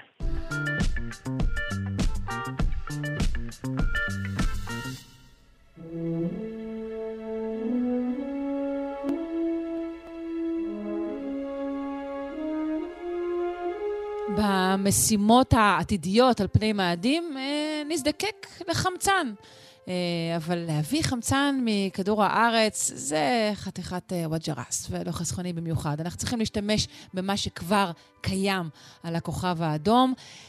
כעת הכריזו על, על רובוט שבעצם מופעל על ידי בינה מלאכותית ויכול לייצר חמצן מתרכובות שנמצאות על אה, הכוכב עצמו. ידייק וירחיב הפרופסור יואב יאיר, חבר סגל בית הספר לקיימות באוניברסיטת רייכמן וחוקר אטמוספירה וחלל. שלום. בוקר טוב, שרון, בוקר טוב למאזינים. בוקר אור. אה, אז אנחנו מדברים על בעצם סוג של אה, כימאי, נכון? שהוא כן, בדיוק, שהוא, שהוא זה כימאי, נכון, כימאי, רובוט כימאי מונחה בינה מלאכותית, ומותר המכונה מן האדם. זו דוגמה מובהקת לכך. כמו שאת אמרת, משימות עתידיות למאדים תזדקקנה לכמויות גדולות מאוד של חמצן, הן לאנשי הצוות שעתידים לאייש את המושבה הזאת, וגם בשביל אה, ליצור דלק לחללית שתחזיר אותם הביתה לחופשת אפטר mm, okay. או אוקיי. למשהו. אז... כלומר, uh, גם לצורכי נשימה וגם לצורכי uh, הנאה. נכון, בוודאי.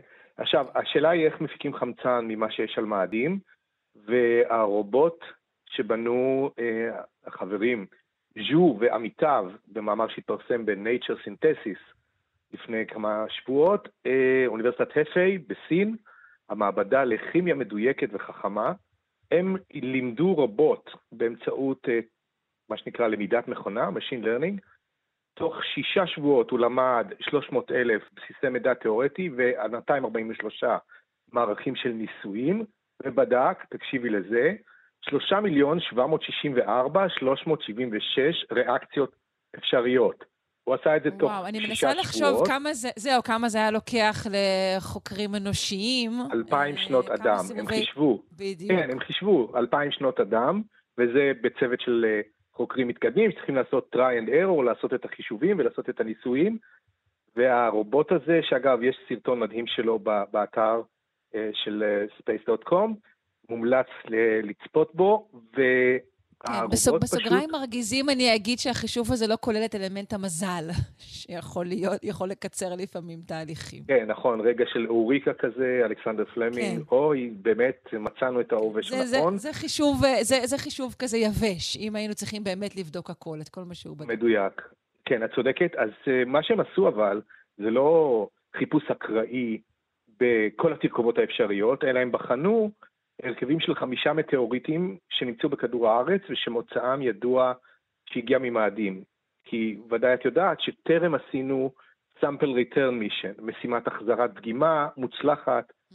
מקרקע מאדים. אז מה שיש לנו זה עדויות של חישה מרחוק, מאותם רובוטים שמידד הזכיר בשעה הקודמת, שמסתובבים עדיין על פני השטח של מאדים, ואנחנו יודעים את ששת המרכיבים העיקריים, המתכות העיקריות, שתוכלנה לסייע בריאקציות קטליטיות, כלומר לזרז תגובות של מה שנקרא בעגה הכימית Oxygen Evolution Reaction, OER, ריאקציות שאפשר להוציא uh, to extract חמצן מולקולרי מתוך הקרקע. יש שש מתכות, זה מנגן, ברזל, ניקל, מגנזיום, אלומיניום וסידן, וכמו שאמרנו, יותר מ-3.7 מיליון אפשרויות של ריאקציות, והם הצליחו לעשות את האופטימיזציה, והרובוט יודע לעשות את זה, ולהפיק חמצן מאותן אה, תרכובות שנמצאות בקרקע מאדים. אבל שוב, עדיין זה ידרוש אה, מערכי קריאה, לא? בוודאי, כן, אנחנו עוד לא, עוד לא שם, אנחנו רק הראינו את ה... איך אומרים? בדיקת התכנות, feasibility study. כן. והמחשבה היא שלפני שהאסטרונאוטים באים ותוקעים את הדגל בקרקע, אה, שולחים לשם רובוטים או תחנות אוטומטיות שתוכלנה כבר לייצר אספקה וחומרי גלם עבור המתיישבים העתידיים. זאת אומרת, זה לא שמגיעים ואז מתחילים לבנות מההתחלה את המושבה, כולל את החדר הזה שבו הרובוט יעבוד, או כמה רובוטים בו זמנית, אלא צריך באמת קודם כל למפות את מאדים ברזולוציה גבוהה, כדי לזהות איפה יש בהם את המרביצים האלה של החומרים שהם אה, חומרי הגלם ליצירת חמצן, לשלוח חיל חלוץ רובוטי, לנחות שם, להתחיל את פעולות הקריאה, כמו שאת אמרת, הסינתזה, ואז מגיעים האסטרונאוטים ומתיישבים. כן, אה, אבל כימאים אנושיים לא צריכים אה, ממש אה, להילחץ, נכון? אנחנו מדברים הרבה פעמים על, על עבודות שייעלמו אה, כתוצאה מבינה מלאכותית, כי גם פה בעצם בלי הדרכה אנושית, הרובוט הזה לא היה עושה הרבה, נכון? הוא פשוט רק הצליח לעשות את כל הניסוי הזה באופן מהיר יותר. כן, טוב, הייתי, המילה רק היא... היא מקטינה את, ה, את העוצמה המדהימה של, ה, של התוכנה הזאת. מתנצלת בפני אוכלוסיית הרובוטים כולה. נכון, כן. זה גם החוקרים, החוקרים אמרו שהם היו צריכים את הלימוד על ידי בני אדם. זאת אומרת, בני אדם כותבים את האלגוריתמים ללימוד התוכנה ולימוד הדאטאבייסים, והמכונה לומדת בעצמה, ללא יד אדם, ותוך זמן מאוד קצר, וזה מה שמפליא פה, אה, כמעט אפס זמן, פחות מחודשיים, הם כבר יודעים, המכונה יודעת לעשות את זה לבד. ואגב, את אמרת בפתח דברייך על מקצועות עתידיים, אז התפרסם ממש השבוע מאמר נוסף בסייאנס, שעוסק אומנם בתחום אחר לגמרי, אבל שמאוד קרוב לליבי, וזה חיזוי מזג אוויר על ידי מכונה, למידת מכונה ו-AI, וכבר שגם פה הדיוק... היכולת, באמת זהו, להכניס אין ספור נתונים ולעבד אותם היא, היא מדהימה. נכון, כן, הם התאמנו על בסיסי נתונים של עשרות שנות אה, חיזוי מכל המודלים המתמטיים, וכמובן כל רשת התצפיות הענקית שעומדת לרשותנו, והיום אה, הלמידת מכונה הזאת וה-AI יודע לתת תחזיות מזג אוויר בדיוק שהוא גבוה כמו או אפילו עולה על חזאי מזג אוויר אנושיים. מה שכמובן, אה, אני לא אומר מייתר את התפקיד של דני רופ וחבריו, אבל לפחות יהיה להם כלי נוסף שהם יכולים לבחון את דיוק התחזיות שלהם אל מולו, וכנ"ל מה שאת אמרת לגבי כימאים, בפרט לכימאים של הנדסת חומרים, שיכולים לבדוק ככה כל אחת מהריאקציות הללו אה, הלכה למעשה במעבדה, ולראות אולי המכונה טעתה. כמובן שלא. אה, נחזור למאדים ונסיים עם, עם דבריו, אני חושבת, המרגשים, המפעימים אה, של אחד, מה, של, של אחד ממחברי המחקר הזה, ז'ון ג'יאנג, שהוא אמר, כשהוא ראה שהזרזים שהרובוט הזה מייצר יכולים לייצר חמצן, הוא אמר ככה, הרגשתי שהחלום שלי מתגשם, אפילו התחלתי נכון, לדמיין נכון. שאני הוא מספר על ילדותו... בעצמי, כן, כן. אחיה על מאדים בעתיד. זה יפה, אני אוהב את זה, כי אה, זה מראה שילדים עם חלומות, בסוף אם הם הולכים ללמוד אה, מדעים, טכנולוגיה, מגיעים להגשים את החלומות שלהם, אפילו אם בדרך עקיפה. כולם רוצים להיות אסטרונאוטים, כולם רוצים אה, אה, לחפש חייזרים, אולי, אה, את, יודעת, משימות חלל עתידיות, אבל גם מי שלא יהיה מה-chosen few, אותם נבחרים אה, שבאמת יטוסו בחלל, יכול להגשים את חלומו על ידי extension, בהשאלה, לשלוח את הידע שלך אל מאדים, ונכון, זה ממש יפה. שוב, מדגים את הערך של השכלה אקדמית במדעים המדויקים להגשמת חלומות אסטרונומיים, בוא נאמר. יפה. פרופסור יואב יאיר, חבר סגל בית הספר לקיימות באוניברסיטת רייכמן וחוקר אטמוספירה וחלל, תודה רבה לך. כן, כן, שרון, good to have you back. תודה רבה.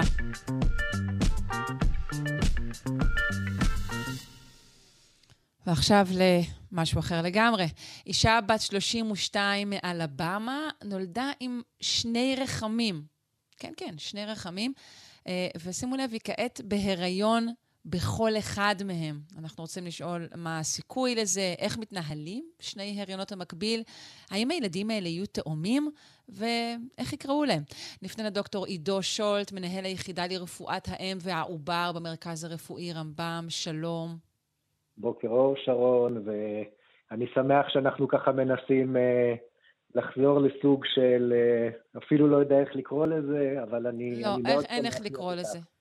כן. אני קראתי לזה שגרה מדומה, אנחנו רק מעמידים פנים, אבל לפעמים צריך, אה, אתה יודע, כמו בטכניקות כאלה, שאומרים לך לחייך מול הראי עד שהחיוך ייכנס פנימה, אז זה מה שאנחנו עושים פה. נכון, ו- וגם השיחה המרתקת הקודמת, שקצת לקחה אותי לרגע למקומות אחרים, אז תודה על זה.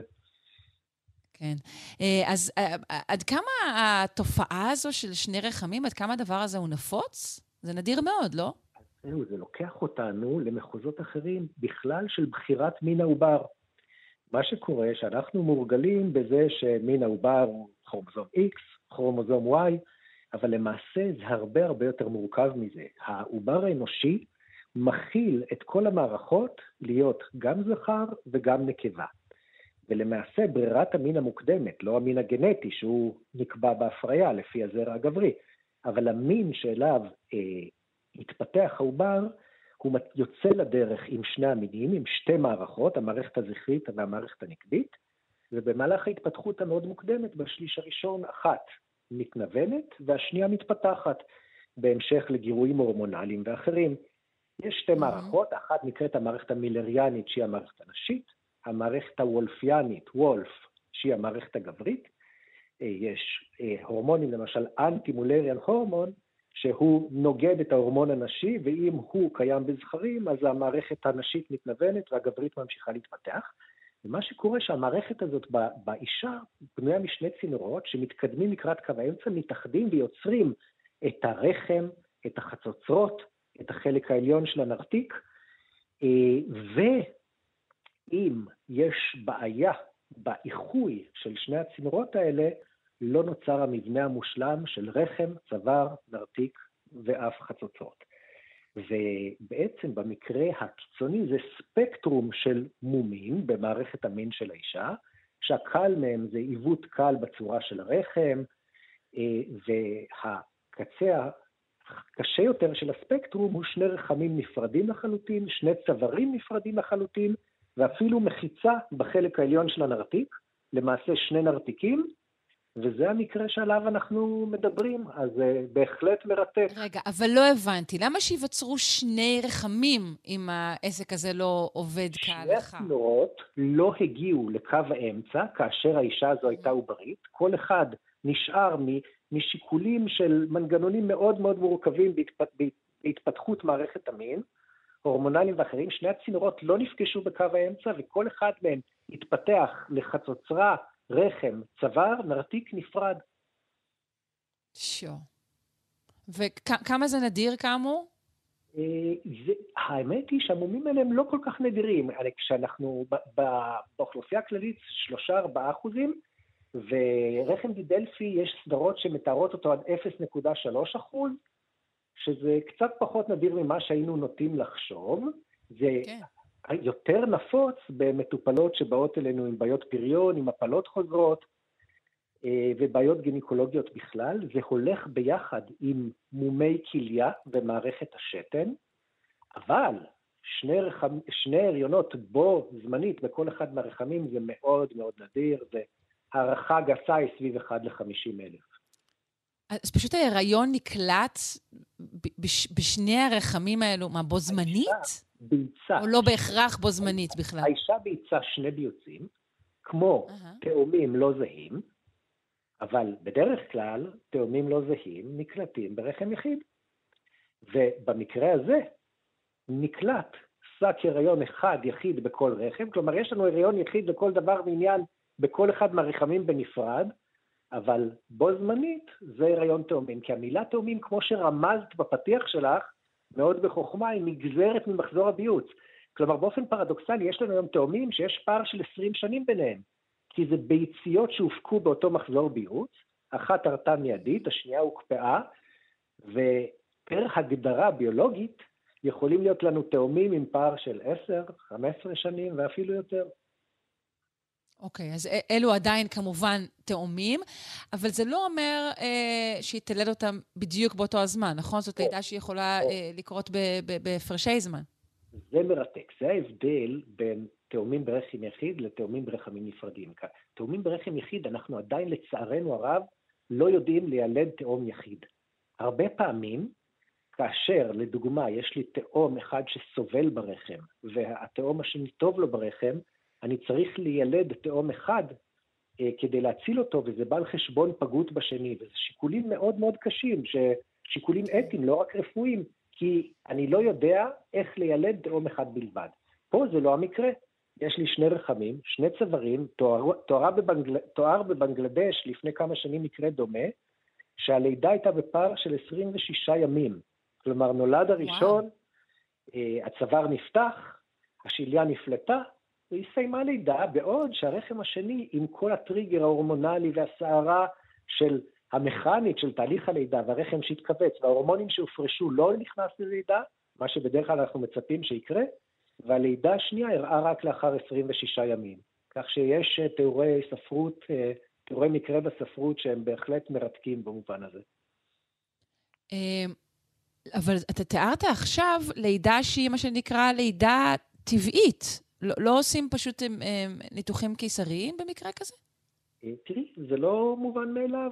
אין סיבה פשוטה ומיידית לבצע ניתוח קיסרי. אה, זה נכון שכשיש לי שני רחמים, הנחה סבירה היא שבכל רחם יש פחות מסת שריר. ולכן בעצם הסיכון ללידה מוקדמת גבוה יותר, לבעיות אחרות גבוה יותר. אבל בהינתן שעקבו אחרי ההיריון, הוא נמשך, האישה נכנסה ללידה נרתיקית, לפחות מבחינה תיאורטית, אה, אפשר, ניתן לאפשר לה ללדת.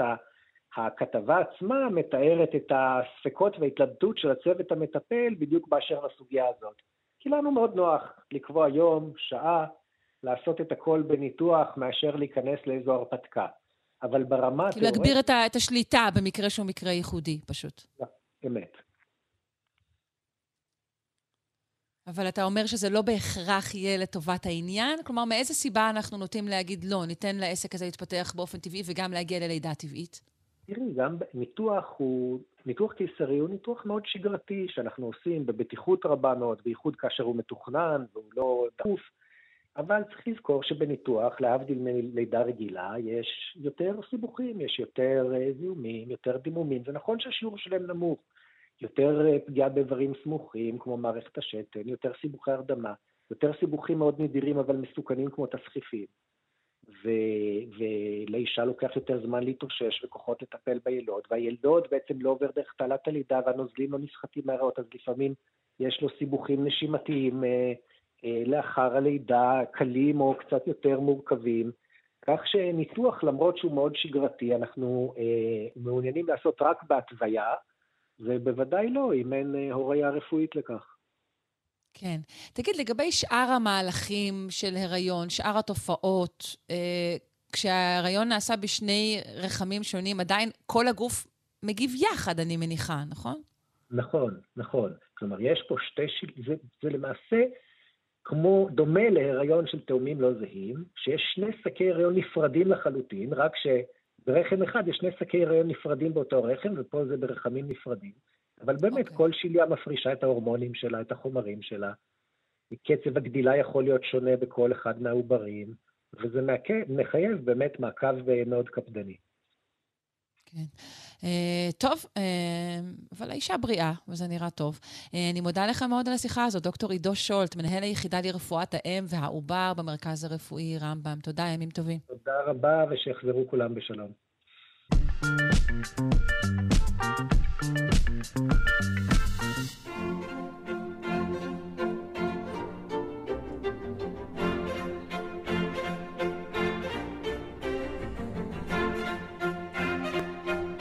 אנחנו כמובן עם פינת האומנות של יונתן הירשפלד, צייר וכותב על אומנות. שלום.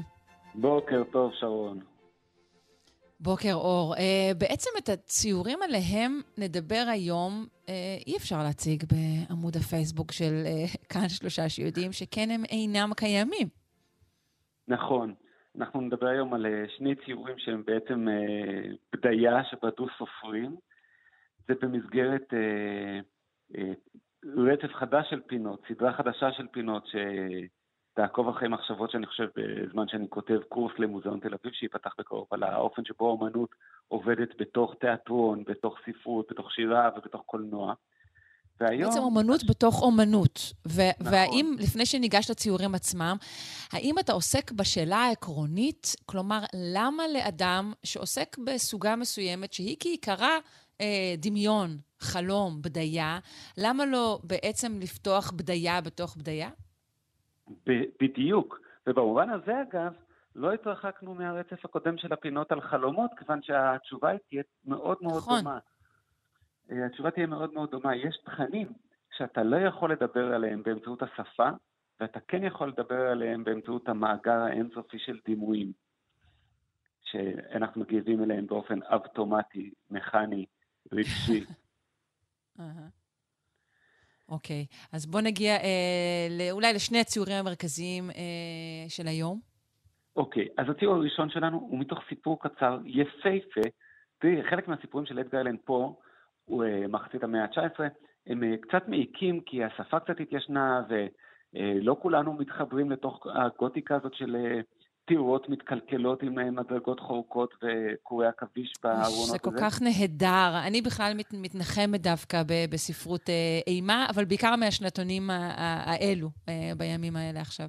אבל באמת הסיפור הזה, שהוא קצר מאוד, וממש כמו עמוד וחצי, שני עמודים, מתאר סיפור פשוט של מישהו שמגיע לאיזשהו מקום ונתקל בטקסט, ובטקסט מסופר על ציור שאותו הוא רואה לנגד עיניו, ומסתבר ש...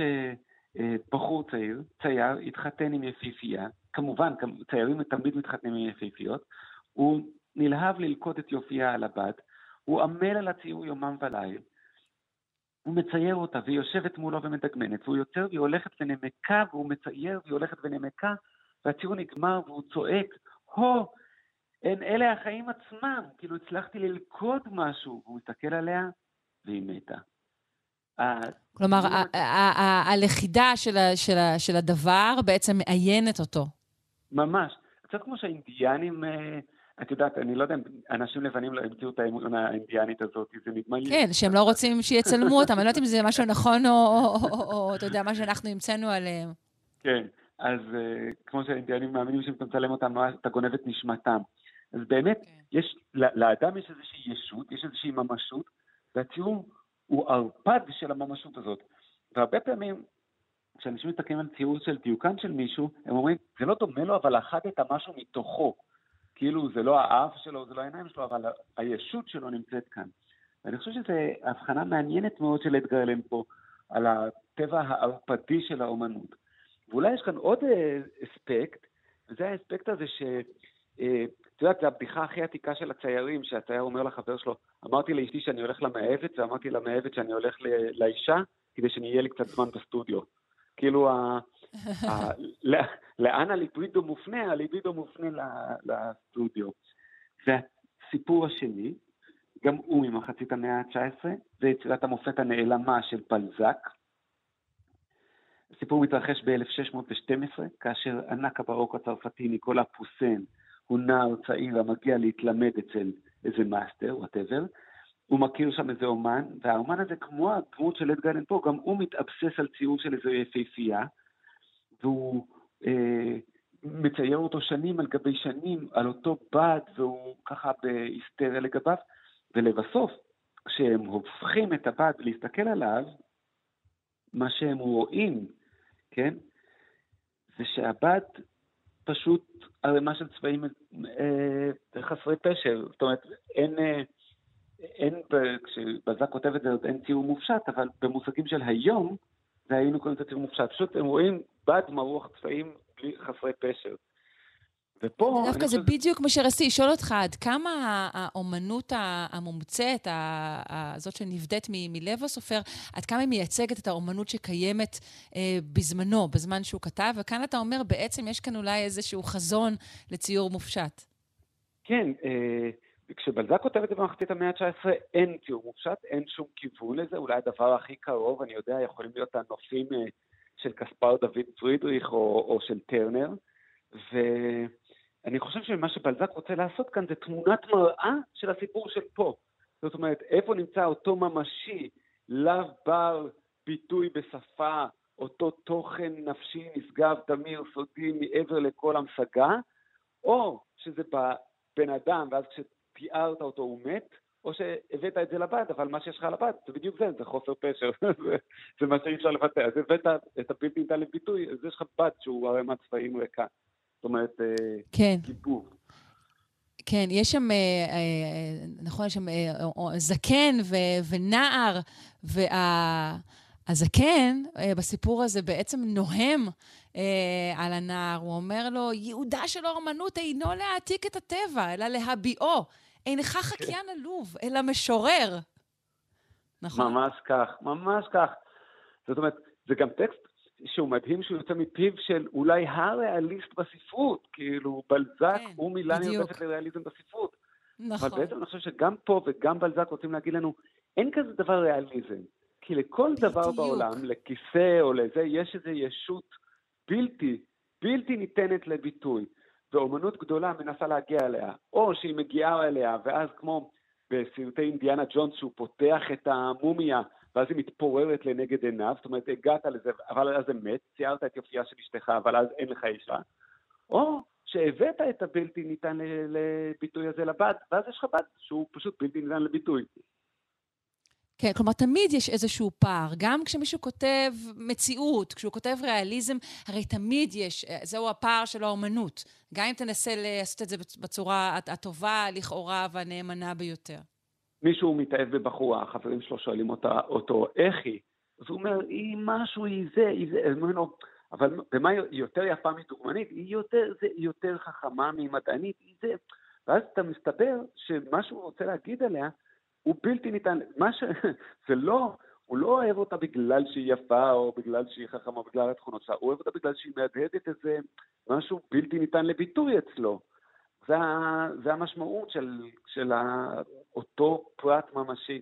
ואני חושב שהאומנות עסוקה בזה, בגלל זה היא כל כך קרובה לדת אגב, כל הציורי דת וזה, בגלל שדת גם היא עסוקה בבלתי ניתן לביטוי. כן. אה, בואו נמשיך עוד עם, אה, קצת עם דבריו, כי יש לנו זמן שהם דברים מאוד מאוד יפים. הוא אומר שוב לצעיר, הוא אומר לו, נסה לצקת את תבנית ידה של אהובתך ולהציבה מול פניך, ותיווכח כי גבייה מעוררת פלצות היא זו, וכי אין כל דמיון בינה ובין המציאות. ותהיה אנוס למצוא את אזמל הפסל, והוא אמנם לא יעתיקה במדויק, אך יכון אותה בתנועה ובחיים. עלינו ללכוד את הרוח, את הנפש, ואת הכרת פניהם של העצמים ושל היצורים החיים. האפקטים, האפקטים, אלה דברים הנקרים בחיים, ולא החיים עצמם. היד, כיוון שכבר שימשה לי דוגמה, היד אינה קשורה לגוף בלבד. היא מביעה וממשיכה מחשבה שיש להבינה ולהביעה. עלינו ללכוד את הרוח, ואם נלכוד את הרוח של אהובתנו על הבת, אז היא לא תהיה אצל אהובתנו. לא. הציור לא. הוא העופת. נכון. אה, האובססיה הזו לציורים, אני חושבת שכולנו ישר היינו אומרים, טוב, זה נכון, השליפה הראשונה שלנו היא דווקא דוריאן גריי, אה, לגבי, נכון, נכון. אובססיה של ציור בספרות. אני התלבטתי אם לצרף אותו לפינה אבל כיוון שדוריאן גריי הוא עמוס, אז חשבתי אה, שהוא יהפוך את הכל... נקדיש לו אולי פינה נפרדת? אולי נקדיש לו פינה נפרדת. דוריאן גריי אה, הוא פשוט... אה, אה, מח... הוא עושה כמו אדגר אלן פה, הציור מחליף את החיים, אבל הוא עושה שם משהו אחר, הציור נושא עליו את הנפשי של, ה... של דוריאן גיי. זאת אומרת, דוריאן גיי נפטר מהנפשי שלו, והנפשי מופיע על, על הבת. אז באמת אה, אה, הוא נעשה, אה, אה, הציור משתנה בזמן שדוריאן גיי נשאר צעיר לנצח. וההיפוך, בעצם שלושת הסיפורים האלה הם בעצם שלושה סיפורים תאומים. לא היה, בעצם לא היה צריך להפריד ביניהם. הם שלושה סיפורים על האופן שבו ציור הוא התוכן הנפשי הבלתי ניתן לביטוי.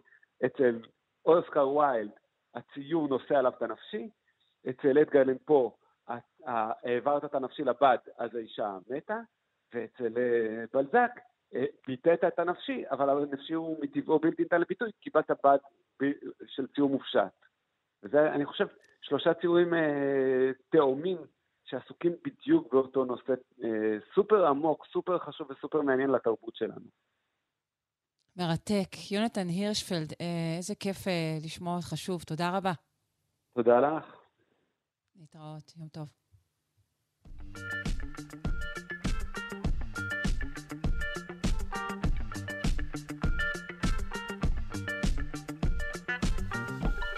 עד כאן שעתיים של שלושה שיודעים שערכה אלכס לויקר על ההפקה תמר בנימין, ביצוע טכנית דימה קרנצוב.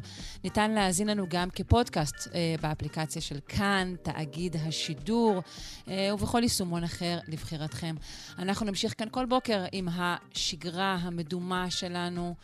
עד שיחזרו החטופים ועד שתשקוט הארץ. יום טוב, חדשות טובות ככל הניתן. אני שרון קנטו, להתראות.